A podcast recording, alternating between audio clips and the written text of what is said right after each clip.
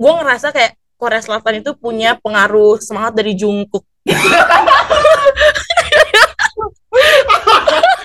Karena lagu Dreamers itu ya. kalau orang nggak ngikutin malah menurut gue sayang. Kayak kenapa lu nggak ngikutin gitu loh. Padahal lu tinggal nggak perlu tahu tapi cuma kayak ya udahlah kita join the hype aja bos gitu. Nggak usah dibawa ribet gitu loh. Sani nanya kemarin ada tim yang ya tutup nutup- mulut. maksudnya dia corona? Maksudnya kita lagi corona itu kayak kadang-kadang bolanya dia lagi lari tiba-tiba aku diberiwitin gitu kayak kenapa? gitu kenapa?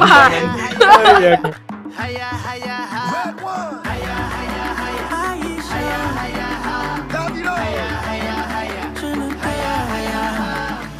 Oke, selamat pagi, selamat siang, selamat sore, dan selamat malam uh, buat kalian yang dengerin podcast plus 62 episode ke-63 setelah absen selama satu setengah bulan lebih karena gue fokus di konten Piala Dunia. Karena gue kan si host paling paling sepak bola lah gue Raffi Rainur. Uh, di episode ini gue bareng uh, beberapa oknum yang menemani gue. Di episode hari ini kita bakal bahas Piala Dunia guys. Yeay. Kita bakal bahas euforia Piala Dunia karena kita rekaman nih pas lagi babak 16 besar. 16 besar. Eh, hari ini gue gue memperkenalkan rosternya dulu. Ada Hani di sini, halo. halo Ada Rehan di sini. Halo. Dan dari 90 plus ada Holik. Halo guys. Oke, jadi kita udah lengkap. Eh ada dua fans non sepak bola, ada fans bola. Jadi hari ini kita akan ber berdebat enggak berdiskusi tentang eh, Piala Dunia dari sudut pandang fans non football dan dari sudut pandang fans football. Langsung aja tanpa berlama-lama eh guys, sebelumnya gue mau kalian cerita dulu. Cerita tentang experience pertama Piala Dunia lo. Dimulai dari Hani.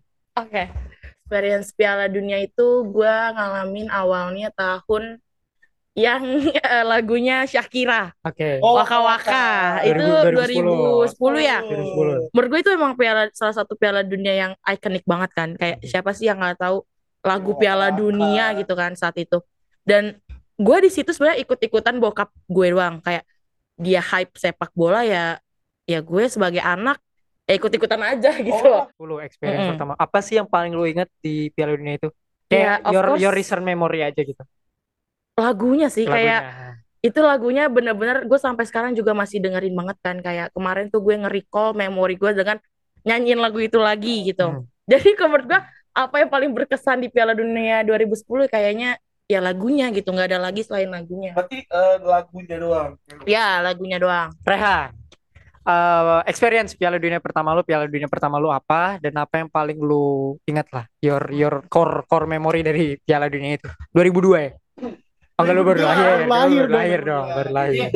Oke, gue sama kayak si Hani eh, apa namanya? Piala Dunia pertama gue Udah, udah. ngomong 2010, 2010 juga karena ya itu hype banget kan yang pertama dari anthem pemilihan lagunya juga juga bagus dari Hmm. Shakira itu sendiri dan juga menurut gue negara-negara yang bertanding juga keren-keren apalagi tuan rumah itu Afrika Selatan kan ya iya benar dan juga kalau nggak salah itu jatuh di bulan puasa Iya? Oh iya, di bulan- 2000. Iya, waktu babak 16 besarnya. Oh iya, 16 besarnya pas 16 pas besarnya pas- itu pas pas bulan puasa. Betul, Jadi betul. Hype juga dan juga gue sama kayak Hani, gue itu juga FOMO sama keluarga bokap sendiri karena dia sangat amat menjagokan Argentina pada saat itu. Pada saat itu. Pada saat itu Oke. karena dia kalah empat empat kosong apa kalau Argentina ya itu. Enggak, tapi emang kalah Begitu. empat kosong. Oh. Argentina saat Iya, itu. iya. Oke, gitu. oke. Kalau Oke, begitu. Argentina. Terus yang kalah 4-0 pemainnya dapat Ballon d'Or. Lu Lik, eh, Piala Dunia pertama lu eh, mungkin sama sih kayak maksudnya kita angkatan 2000-an kan biasanya Piala Dunia 2010 tapi mungkin mereka dari sudut pandang not football kan ada lagunya lah dan segala macam. Lu memori yang paling lekat di pikiran lu soal du- Piala Dunia 2010 tuh apa? Eh, kalau gue sih sama tadi ya kayak 2010 terus eh, banyak sih eh, kalau dari gue buat apa yang berkesan dari Piala Dunia 2010 itu kayak antusiasnya kan waktu itu Hmm, gede masih banget. gede banget kan dari warga-warga Indonesia. Dari apalagi sekitaran gue kampung gue tuh hampir setiap subuh tuh nonton bareng gitu. Udah dari jam 7 tuh udah rame eh, masang layar lebar. Itu sih yang lumayan eh, berkenan gitu di kehidupan gue terus untuk eh, tim-timnya juga masih banyak banget pemain-pemain lawas kita tahu ya. Spanyol juga masih diisi pemain-pemain lawasnya. Brazil eh, pemain kayak Forlan masih ada Van Bommel ya kakak. kakak masih iya kakak dari Belanda ada Van eh Iya. Persi. Van Persie juga masih ada jadi kayak Bambang. gua beda, beda, beda. Dia lawas, Beda, dia. Oh gitu. Fan dari 10 kalau itu. Iya. Ah, itu sih maksud gua eh, yang paling berkesan pemain-pemainnya juga berkesan. Terus eh, tema overall yang mengadakan World Cup ini tuh sukses sih menurut gua di South African ini dari musik eh, apa namanya bu- eh, simbolnya Oh, Logo. iya. iya logonya sama ininya. Maskot. iya maskotnya bolanya Iya, menurut gua bola sampai Jabulani Iya. kalau nggak salah namanya itu semuanya tuh kayak Iconic. berkesan ikonik semua gitu dari eh, terus match-matchnya juga Seru ya tahu seru-seru banget sih dulu tuh Kalau nggak salah maskotnya itu juga dijual kayak di minimarket gitu-gitu. Boneka-bonekanya. Iya, gua gua boneka-bonekanya. punya waktu Gua juga itu boneka yang ngik ngik ngik ngik gitu. Hmm. Si siapa sih nama nama maskotnya yang penjabrik Iya, ini? Itu itu gua gua masih yang gue punya tuh Euro 2008 lu tau gak sih yang maskotnya kembar? Enggak, 2008 tuh Austria, Ukraina, eh Polandia Ukraina. Polandia Ukraina enggak Euro Euro. Euro 2008 tuh kembar maskotnya. 2010 gue juga punya. Gue berhenti koleksi maskot di Piala Dunia 2018. Soalnya udah besar. Kan kalau SMA kan malu beli-beli maskot di Alfamart itu. Tapi kayaknya 2010 uh, the best year to be to watching football sih. Iya. Waktu itu Indo- Indonesia juga lagi in peak-peaknya. Kita lolos ke final walaupun kalah di Leicester. Terus eh terus Piala Dunia 2010 kan asik banget tuh. Jadi kayak ya oke lah. Kalau dia tahu, dia tahu, Rehan tuh tahu. tahu ah, isu itu. isu itu. Apa cuma gue doang?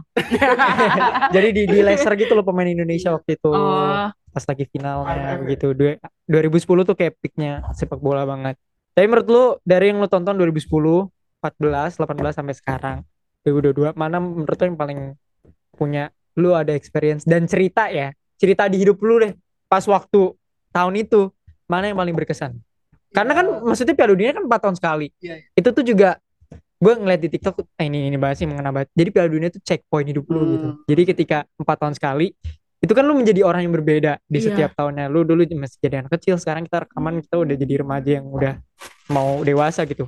Piala Dunia mana yang sangat bikin lu berkesan lah experience lu gitu. Kalau boleh jujur itu udah pasti 2010 ya dan dan jujur bo- kalau boleh jujur 2014 dan 2018 itu gue kayaknya sama sekali gak ngikutin Piala Dunia. ah Gue nggak ngerti kenapa tapi kayak bagai angin lalu aja gitu Piala Dunia pada saat pada tahun itu gue nggak Hmm. ngerti apakah Indonesia kurang meng-highlight Ah, atau iya. vibes-nya kurang terasa itu gue gak, ngerti dan juga di 2022 ini tuh udah berasa lagi vibes-nya mungkin karena sekarang kan baik banget nih media-media kayak TikTok atau Mhm. Instagram yang memunculkan beberapa negara atau memunculkan beberapa negara atau player yang bisa dibilang tuh agak atraktif gitu jadinya Hmm. non football pun kayak kepo juga nih sama negara ini pemain-pemainnya gitu jadi kerasa aja lah vibe-vibesnya gitu Hmm, lu juga sama nggak miss out dua Piala Dunia atau malah yang tadi 2014 18 jadi poin terpenting di hidup lu gitu? ah, kalau gue ya jujur, gue dari yang gue bilang tadi kan menurut gue 2010 ikonik banget Iya. bagi gue.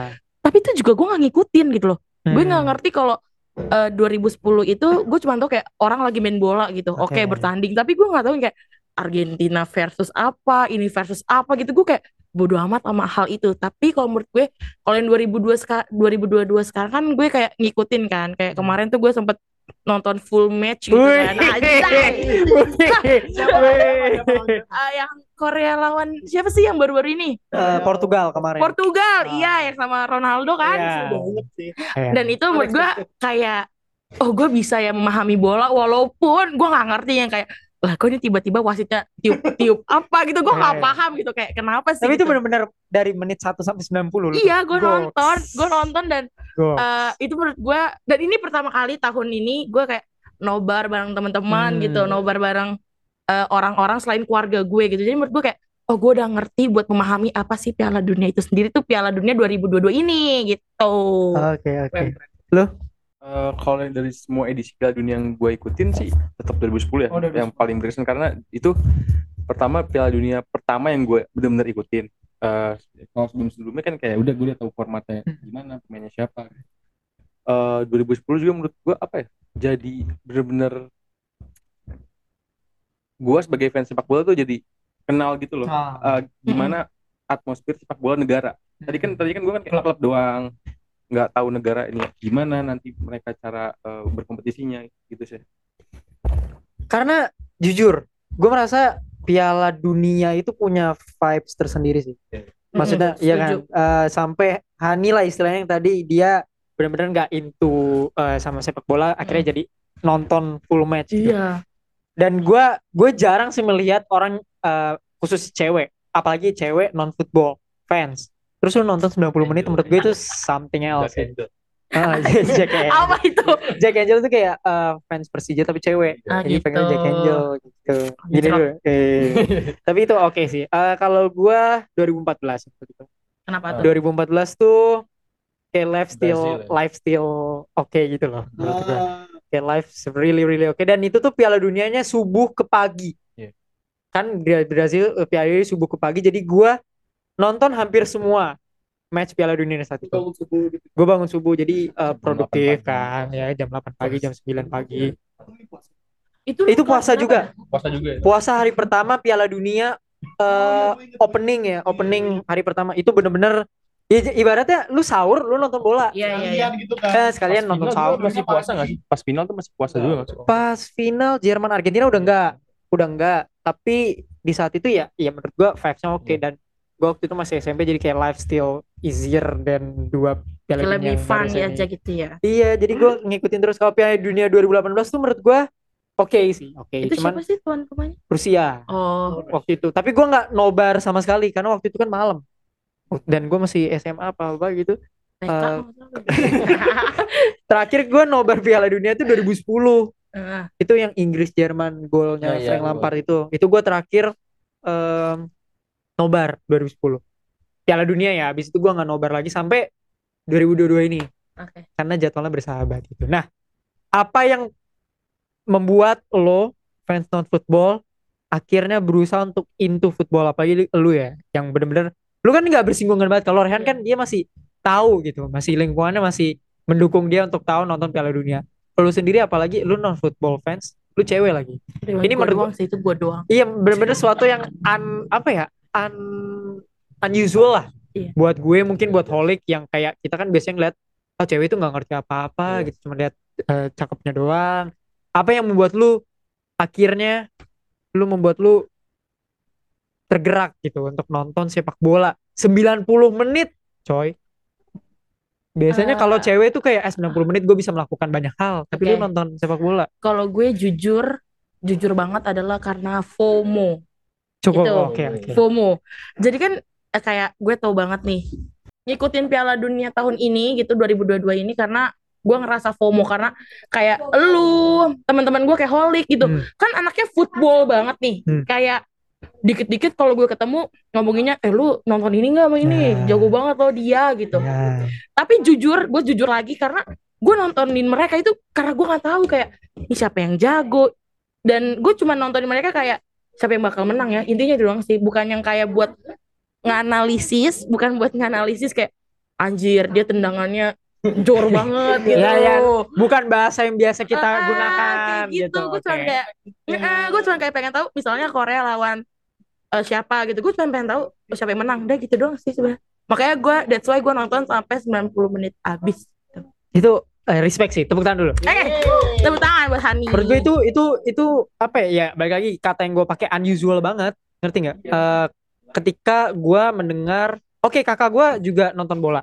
Dia belajar dari gue tapi dia nggak jarang banget dia cewek nonton sampai 90 menit. Dan lu nonton sampai 90 menit karena gue biasanya di Twitter ya gue pernah na- eh gue pernah baca eh ngapain sih 90 menit nonton bola doang yang kayak gitu gitu gitu gitu sih. Jadi ya respect gue ke Holik menurut lu untuk seorang cewek nonton bola 90 menit atau orang perlu nggak nonton Piala Dunia tapi udah harus tahu nih tim-timnya kayak gimana profil pemain dan segala macam atau orang nonton Piala Dunia tanpa mengetahui apa pun gitu? Lu lu lu ada di sisi yang mana? Orang harus nonton Piala Dunia harus tahu dulu atau ya nggak apa-apa nonton Piala Dunia nggak tahu apa-apa gitu? Tahu atau enggaknya Piala Dunia tuh buat penonton nggak perlu tahu sih. Karena menurut gua eh, beberapa peminat baru atau kayak Hani tadi tuh lebih apa ya kayak pemainnya gitu loh yang jadi perhatian dia. Mungkin ya sekarang ada Son Heung-min ya ada Gavi, pemain-pemain ada Gavi ada Pedri pemain-pemain muda yang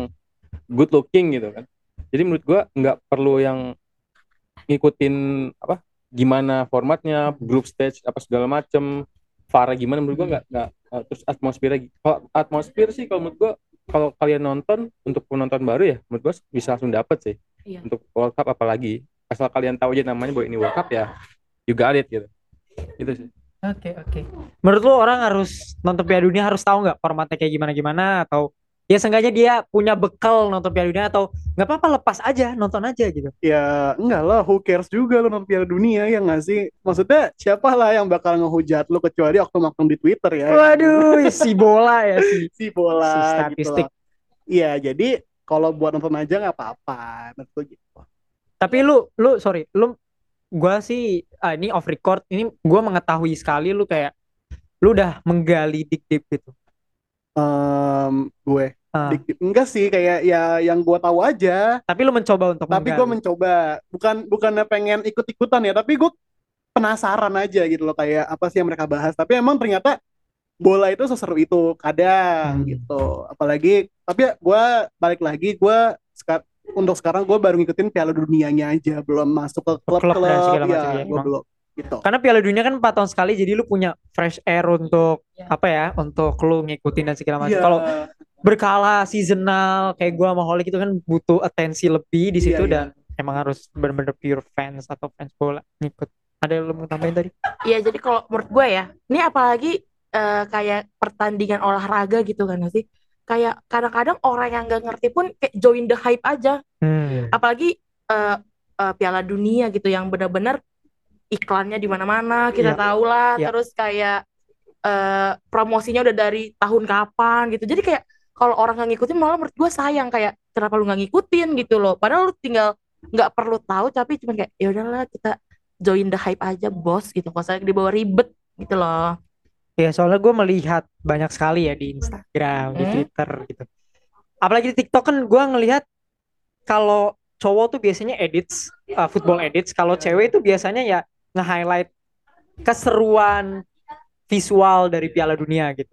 Dan banyak yang komen kayak emang lu tahu ini ini ini ini ngapain sih kayak begini. Jadi gue kayak gue merasa terganggu. Padahal gue fans sepak bola tapi gue merasa kayak ya udah sih kita sama-sama uh, ada di hype ini gitu. Toh ya nggak nggak fans bola nggak dirugiin juga kan ada fans baru yang masuk untuk Hmm. sekedar ngikutin ada yang bilang ya lu nonton karena pemainnya ganteng doang ya ya ya who who cares gitu karena ya biasa lah fans bola itu emang ini kan industrinya kan eh, apa sih lebih banyak yang lebih banyak dikenal juga kan maksud gua untuk industri sepak bolanya itu sendiri apalagi sepak bola kan olahraga yang paling gampang dicerna gak sih maksudnya lu nggak nggak nggak sesulit untuk ngikutin motorsport lah atau Iya. basket lah, volley lah. Maksudnya bola tuh gampang. Maksudnya lu bisa nonton 90 menit, menit karena permainan sepak bola itu mudah untuk dipelajarin, Iya. ya kan? Kecuali ya ada beberapa pelanggaran-pelanggaran yang nggak lu, Iya. lu tahu, Iya, mungkin offside, itu teknis ya kan.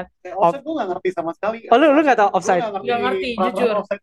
Di Twitter tuh ada kemarin eh meme meme meme dia nangis capek gara-gara ngejelasin ceweknya offside. Offside. dia, bingung gitu. Tapi kalau kayak misalnya kan kadang ada pebo- apa pemain yang kayak ngejegal gitu ya. Ngejegal gue tau lah itu kayak oh itu nggak boleh gitu. Tapi kan itu kan Bisa bahasanya tackle, tackle. oh nggak tackle, nggak tackle kayak itu kan emang udah nggak boleh kan kayak gitu. Atau bolanya kena tangan gitu. Itu kan pasti nggak boleh. Tapi kadang kalau kayak offside itu kayak kadang-kadang bolanya dia lagi lari, Tiba-tiba kok diperiwitin gitu kayak kenapa gitu kenapa? Oh, iya, oke. Ada ada istilah lainnya enggak yang belum kalian ketahui selama nonton uh, Piala Dunia ini deh? yang paling bingungin, bingungin itu cuma offside, Offside aja. aja. Iya jujur sama sama. Coba.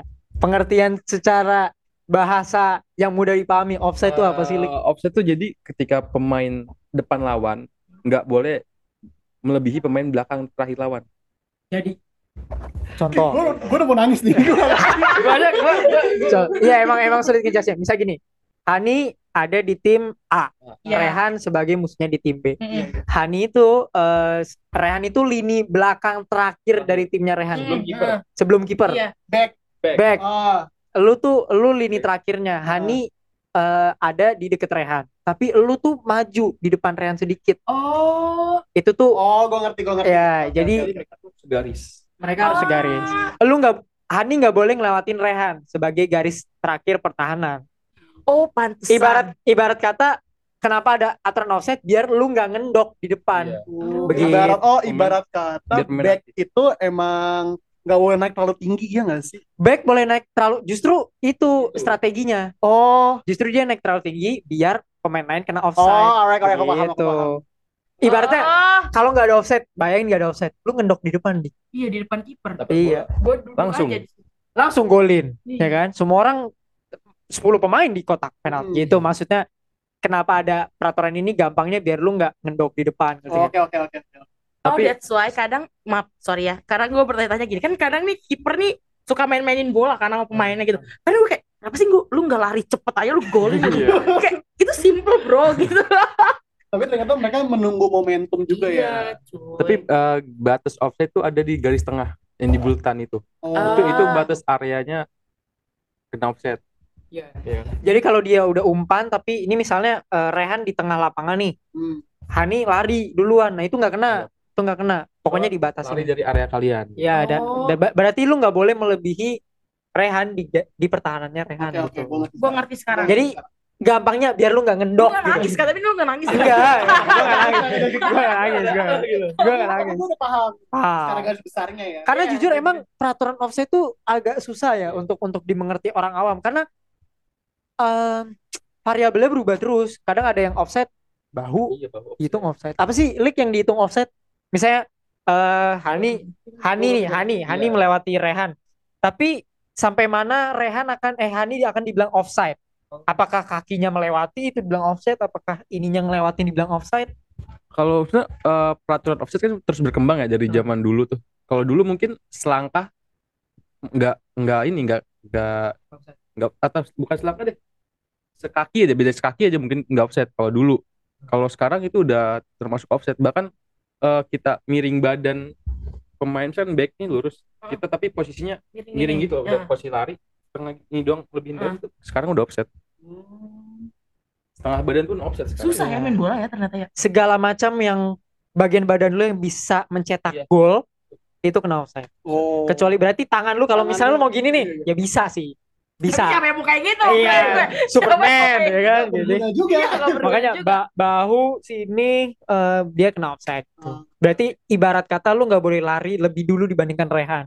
Lu harus ada timingnya nih. Rehan mundur kapan, Hani maju kapan gitu. Tapi gue Taktik. nanya, ya, misalkan nih pemainnya dia dari misalnya pemain gua nih, gua udah lari dari sono gitu, gua udah Ah. lari dari sono. Gue mendahului Ren tuh boleh? Boleh nggak? ya selama bolanya jadi oke Lu ini- pasti mau udah mau nangis. Iya, iya.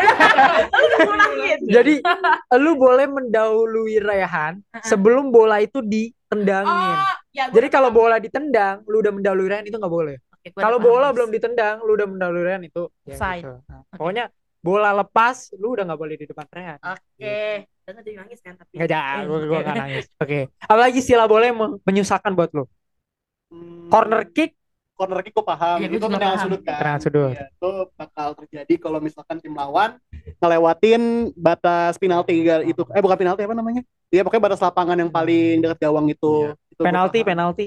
Ngerti gue yang Ngerti. kayak pemain hadapan sama kiper kan? Iya, kenapa penalti itu bisa terjadi Han?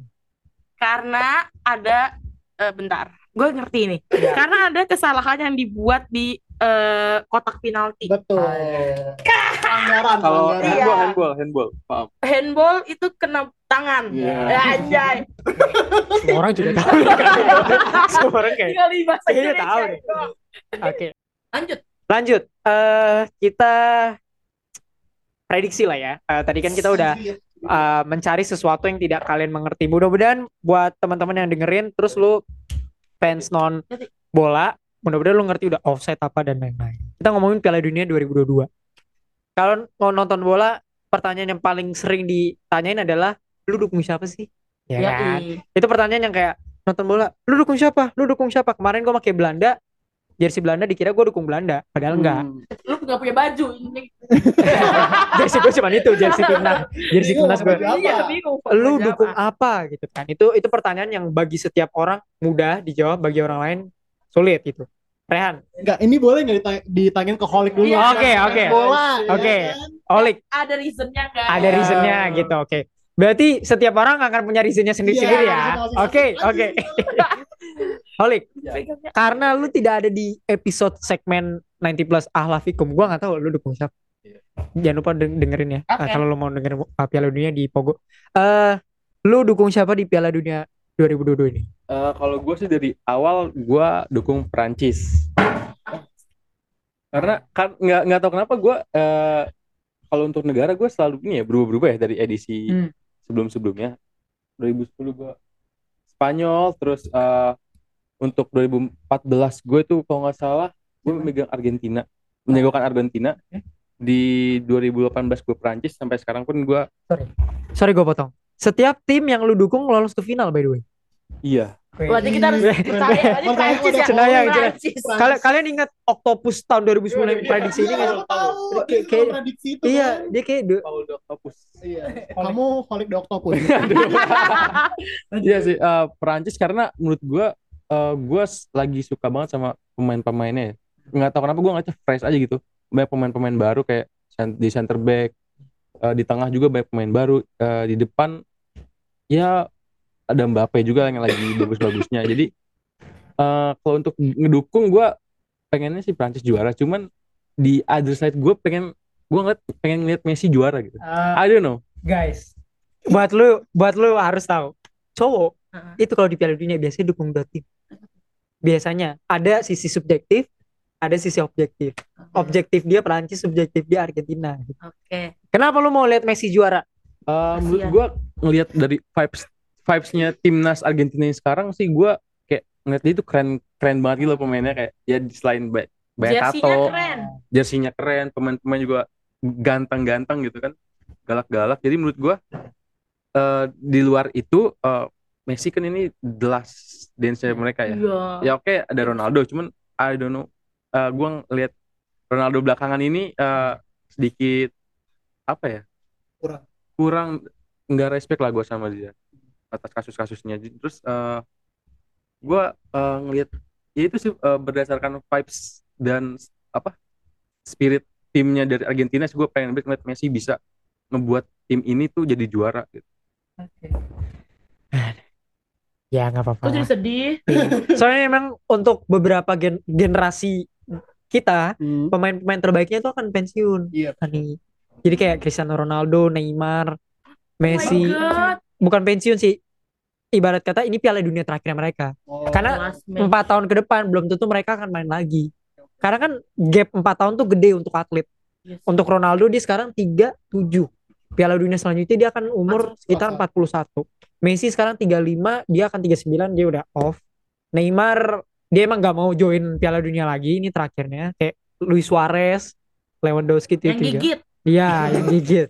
Oke, tadi Olik udah ngasih eh, perspektifnya. Rehan nih. Silakan. Gue semangat banget nih kalau misalkan prediksi. Jujur gue sama banget kayak Holik. Gue tuh dari Piala Dunia pertama yang gue tonton sampai sekarang gue suka banget sama Prancis. Itu objektifnya ya. Oke. Prancis karena gue selalu melihat apa ya performanya bagus apalagi di tahun ini Piala Dunianya mereka tuh keren banget karena Setuju. mereka punya apa seperti yang bilang Holik tadi dia punya Mbappe yang lagi fresh-freshnya pemain tahun ini gitu. Nah terus ya menurut gue Perancis sih kayak pemain-pemain itu nggak pernah mengecewakan ya menurut gue Iya. dari kacamata gue sebagai non fans football Hmm. gitu. Nah sedangkan kalau subjektif gue sangat amat mendukung tim Asia. Ah, Asian Seperti- Pride, iya, Asian Pride. Seperti Jepang dan Korea Selatan yang lolos Indonesia. di, di Jauh, 16 masih besar ini. 40 Tapi gue tahun sangat lagi. amat, aku sangat amat berharap eh, Jepang bisa memenangkan matchnya nanti sama Kroasia dan Amin. Korea Selatan bisa menangkan ya sama Brazil. Mungkin gue kan diserang beberapa waktu tapi gue bodo amat. gue mendukung Korea Selatan guys gitu. Gue berharap salah satu adalah perwakilan dari Asia yang bisa memenangkan Piala Dunia tahun ini begitu. Walaupun secara kesempatan kayak kecil banget tapi Iya, walaupun- tidak ya, ada yang tidak mungkin di tahu, tapi- sepak bola. Tidak ada yang tidak mungkin Iya. guys. Jepang sama Korea Selatan mainnya bagus loh, ya nggak sih tahun ini? Iya setuju. Lu deh Hani. Oke, kalau gue jujur guys, gue nggak bisa ngasih pendapat gue mengenai kayak pemainnya fresh gitu-gitu karena gue nggak ngerti siapa aja Fresh- yang main. Fresh gitu, fresh Iya. gitu. Fresh. Yang fresh. gitu. Gue cuma tahu pemainnya Ronaldo, Messi, Neymar, sama Suarez gitu kan kayak. Tapi siapa tim yang lu dukung? Tapi yang gue dukung Objektif, ini- secara objektif dulu. objektif tuh Objektif. Tapi nggak apa-apa deh, mungkin Gue ya, nggak lu, lu, lu cuman lu cuman dukung enggak, gue satu cuma negara. satu tim. Apa gitu. tuh? Korea Selatan. ini ini fun fact ya guys. Eh gue ngerasa kayak Korea Selatan itu punya pengaruh semangat dari Jungkook.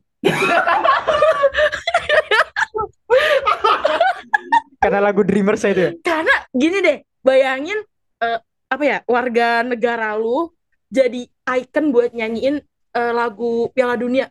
Menurut gue kayak itu salah satu yang kayak anjir gue harus menang nih buat kayak eksistensi Lo punya gue. courage gitu, hal karena hal itu kan. Jadi Jujur kalau menurut gue jadi pemain-pemain Korea Selatan itu bisa yang kayak anjir gara-gara udah ada Jungkook gue harus lebih semangat nih.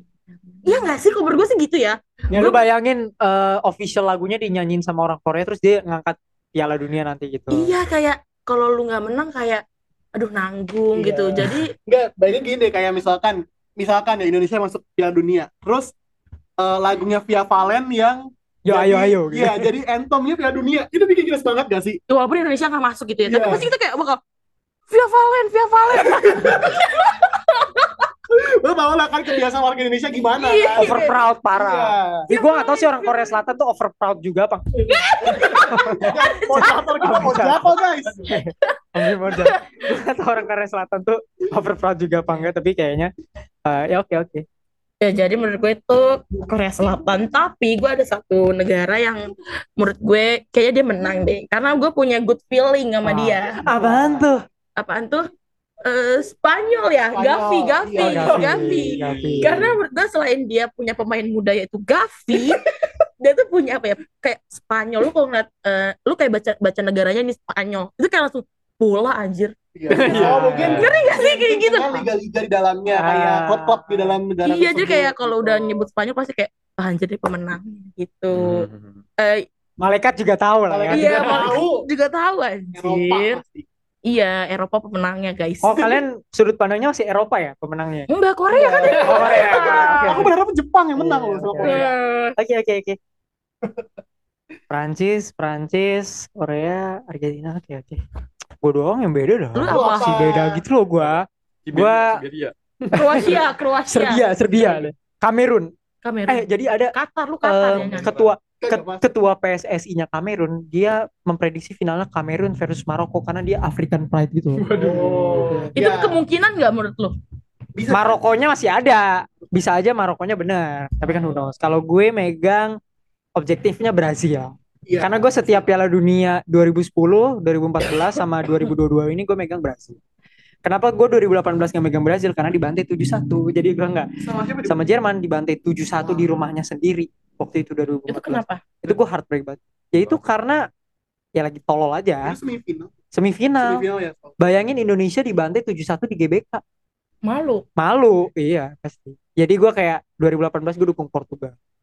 Dan 2022 ini gue juga dukung Portugal subjektifnya karena ada Mr. Cristiano Ronaldo. Sa- Alasannya sama kayak Holik di Messi, gue pengen lihat kalau dari sisi gue, gue maunya Ronaldo yang ke piala. Lu berantem dong sama. Iya, karena Ronaldo sama Messi tuh fans yang fansnya tuh toxic gitu loh, suka mendebat-debatin Oh, iya, kayak kayak in terms of pilpres gitu loh, kayak Jokowi Prabowo. Kayak argumen. Enggak gue serius. Mereka Serius segitunya, serius, serius. Iya. Udah kayak bela agama Iya. kayak. Sumpah. Ah. Ronaldo sama Messi. Jadi kayak mereka kan dua dua pemain paling terbaik di muka bumi ini kan. Dan mereka Sama Indonesia Pia- ada loh. piala yang mereka belum dapetin tuh piala dunia nih gitu. Jadi kayak mereka mau dapetin piala dunia gitu. Tapi Tapi gua kan eh, gua kan kayak eh, nge-research sebelum Ya. gua podcast ini.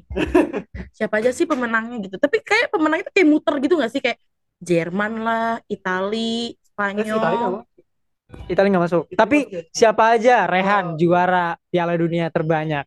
Brazil ya? Brazil. Brazil performa. Neymar. Iya, lima lima kali juara. Lima Tapi kali emang rata-rata negara selalu negara yang notabene negara bola ya, Iya, yang yang bola. yang jadi juara Piala Dunia gitu. Bisa nggak Indonesia masuk kira-kira? Gue sangat Waduh. amat nasionalisme Nah. loh. Biar biar dia yang menjawab. Kira-kira Indonesia bisa masuk Piala Dunia realistically? 2030 lah 2000 eh 30 nggak ada ya? Iya ada Iya, 2030. Tapi kapan menurut lu kita bisa masuk Piala Dunia? Untuk menjawab jawabannya, eh pertanyaannya Hani. Eh, aduh, agak berat ya jawab pertanyaannya ya. Kalau menurut gue sih realistisnya ya kalau emang sepak bola Indonesia bisa berkembang ya dari yang sekarang tiga edisi ke depan sih harusnya udah udah apa ya udah ya minimal mereka mengikuti kualifikasi lah.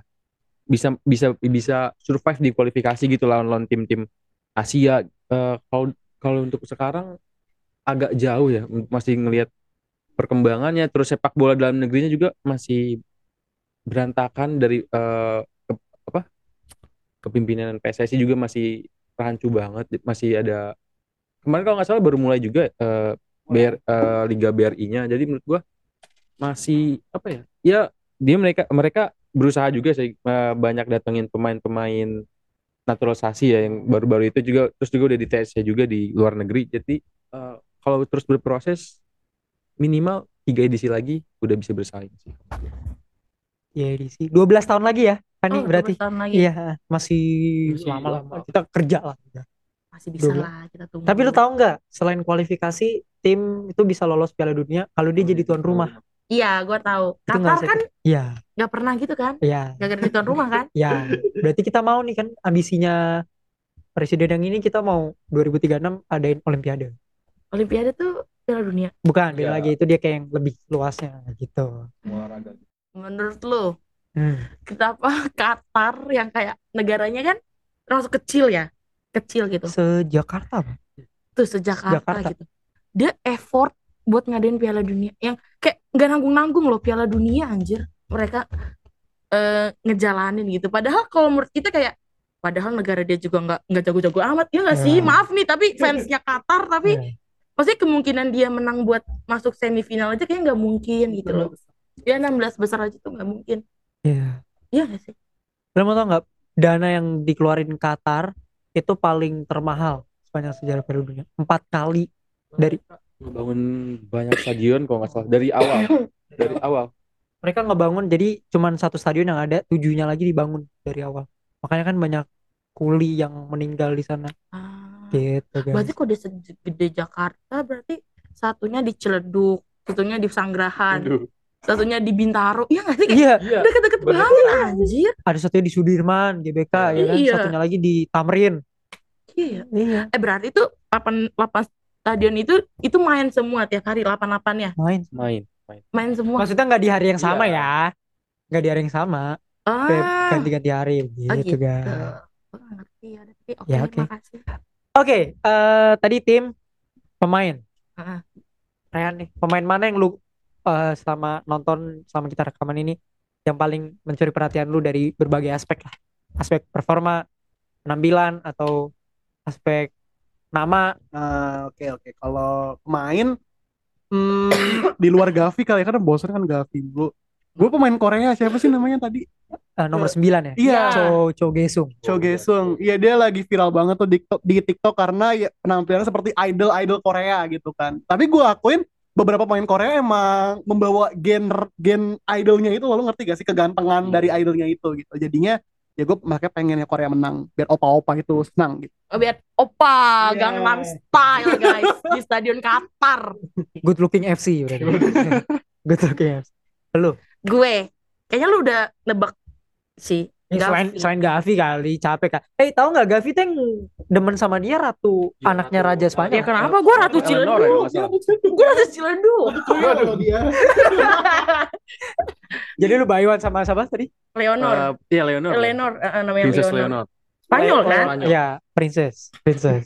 Berarti bayuan sama Princess Ciledug ya. Yoi. Oke. Selain Gavi deh, selain Gavi. Selain Gavi. Anggap dia udah ada yang punya gitu. Itu yang orang Islam. Zie. Ozil. Oh, Zie enggak. Ozil udah gak main, Ozil udah gak main, Ozil udah gak main. Gue kira Islam maksudnya Zakir Naik kali.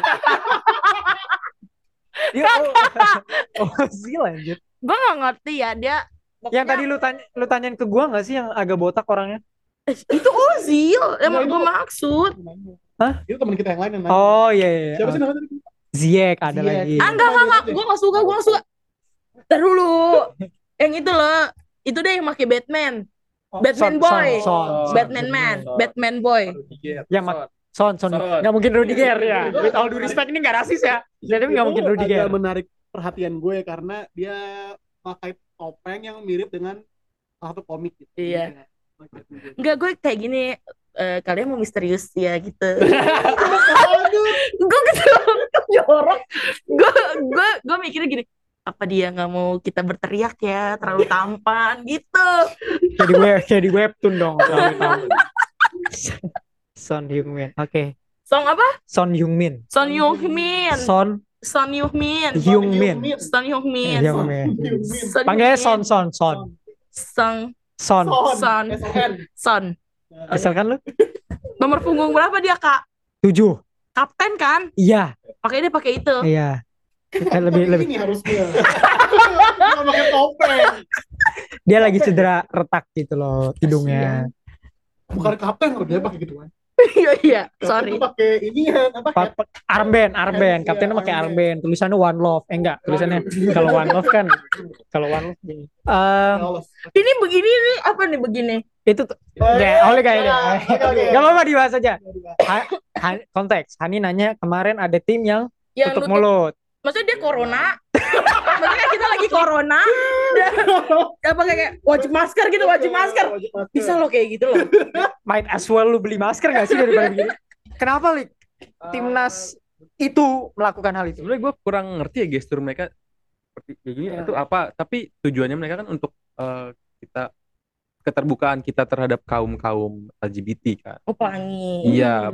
bagaimana kan soalnya kan di Qatar sendiri kan awalnya eh, kayak bir terus apa pakaian terbuka aja susah untuk masuk ke stadion gitu jadi menurut apalagi kaum kaum LGBT gitu atau pernak pernik LGBT itu Eh susah pelangi, pelangi Iya, gitu. pelangi. Bahkan ada supporter mana gue lupa pakai topi pelangi itu nggak boleh masuk Waduh. sama security security stadion di sana gitu. Kalau nggak salah pengen bawa banner kan tadinya. Pride, gitu, Oh, pride, pride mon, pride mon. Tapi kenapa mereka melanjutkan holik tadi? Kenapa mereka tutup ini? Itu karena mereka merasa dibungkam.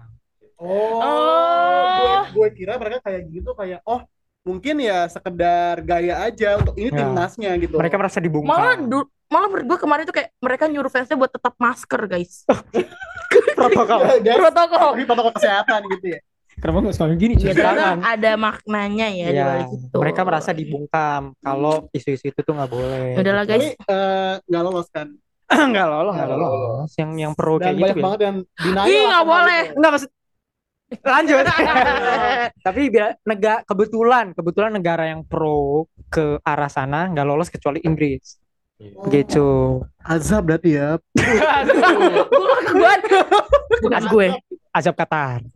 Eh, Piala Dunia tuh ada bidding-bidding gitu gak sih kayak gue mau gitu. Iya, Kayak untuk gitu pemil- kan? pemilihan pemilihan Iya, tuan iya. rumahnya ya. Iya.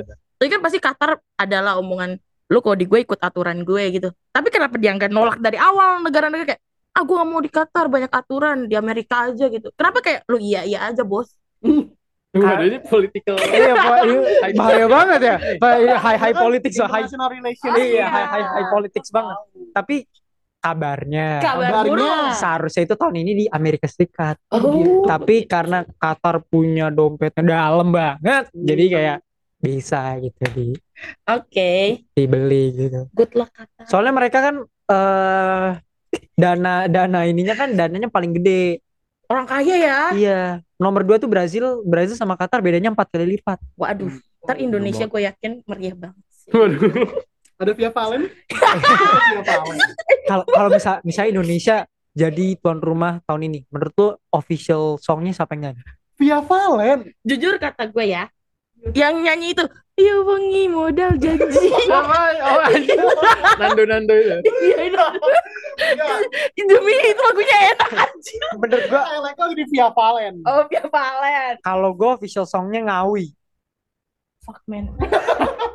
Lagu Kalau- kemenangan Sang Dewi Gitu ya. Bisa jadi biwir. Biwir ya kan? Iya enggak, serius serius question. Menurut lu kalau Indonesia jadi tuan rumah official songnya siapa yang nyanyi? Gue gue beneran ya, ini gue serius Ah, ya. oke, oke, oke. Kalau gue sih, eh I don't know, eh, mungkin kayak Isyana gitu gitu, or Raisa sih. Oh, kalau gua yang Liodra, Liodra. Ah. Mahalani. Mahal ini. Malah. Terus nanti waktu opening ada tari saman pasti. Iya. Aneh, pasti teman kita ya. Sama. Tapi oke ya, openingnya oke ya kalau Iya, kayak gitu. Ya itulah dari episode 63 yang menarik ini ya tentang Euphoria. 63. 63 episode ini. Oh. Yes. Udah banyak banget. Kenapa emang? Enggak, gue kira lu salah ngomong kan lu podcast 62 lu jadi Enggak 63. episodenya udah 63 Oh, guys. gitu. Dari episode 63 ini Euphoria Piala Dunia. Jadi jangan lupa untuk nonton Piala Dunia di video.com. Oke, ah, gue udah subscribe. Yeay, bagus. Video.com masuk ya ke podcast kita. Terus jangan lupa untuk dengerin uh, podcast 90 plus ya di uh, segmen Alafikum yang bisa lu dengerin di eksklusif di OGP. Oke, Sampai jumpa di episode selanjutnya. Goodbye guys.